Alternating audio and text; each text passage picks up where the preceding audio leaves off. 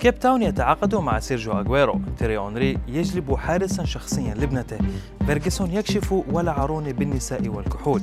إليكم أبرز أخبار الرياضة في الساعات الأربع والعشرين الماضية في دقيقتين على العربية بودكاست.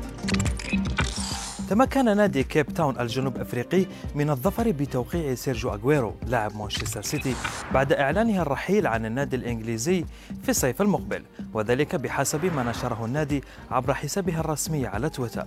لكن مهلا عزيزي المشاهد هل تحققت من تاريخ اليوم؟ هنيئا لك فقد أوقعك نادي كيب تاون في فخ كذبة إبريل. هل تذكرون لمسة اليد الشهيرة لتيري هنري أمام إيرلندا عام 2009 لمسة اليد تلك كانت كفيلة بإرسال فرنسا إلى مونديال 2010 لكن هنري اعترف مؤخرا عبر حساب بودكاست للاعب ليفربول السابق روبي فاولر بأن تلك الواقعة أجبرته على توظيف حارس شخصي لحماية ابنته من تهديدات القتل التي وصلت للعائلة خاصة وأنه كان يلعب في برشلونة وعائلته مقيمة في إنجلترا.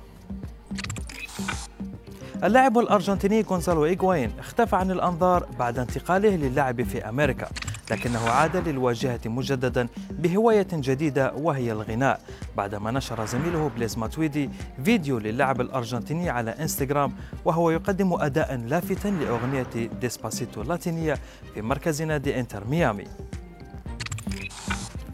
رغم أسلوبه الحاد مع لاعبيه إلا أن سير أليكس فيرغسون اعترف مؤخرا بفشله في السيطرة على واين روني ووقفه عن شرب الكحول أو حبه للنساء خلال الفترة التي أشرف فيها على اللاعب الإنجليزي. والصور تؤكد كلام فيرجي حيث التقطت العديد منها لنجم يونايتد وقتها في حفلات داخل وخارج مدينة مانشستر. يظهر روني من خلالها محاطا بالنساء والمشروبات الكحولية.